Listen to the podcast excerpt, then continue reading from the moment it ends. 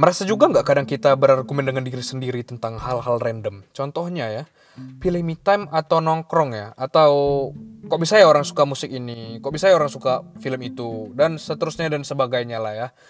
Terus setelah mikir pusing, mencari jawaban, kita pengen banget ngebahas hasil riset kita ini ke teman-teman entah mengapa.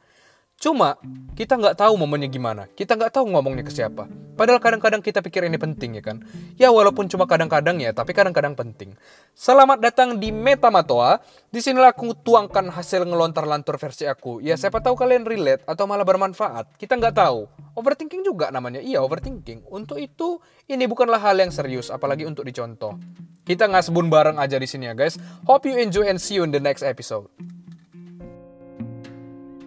thank you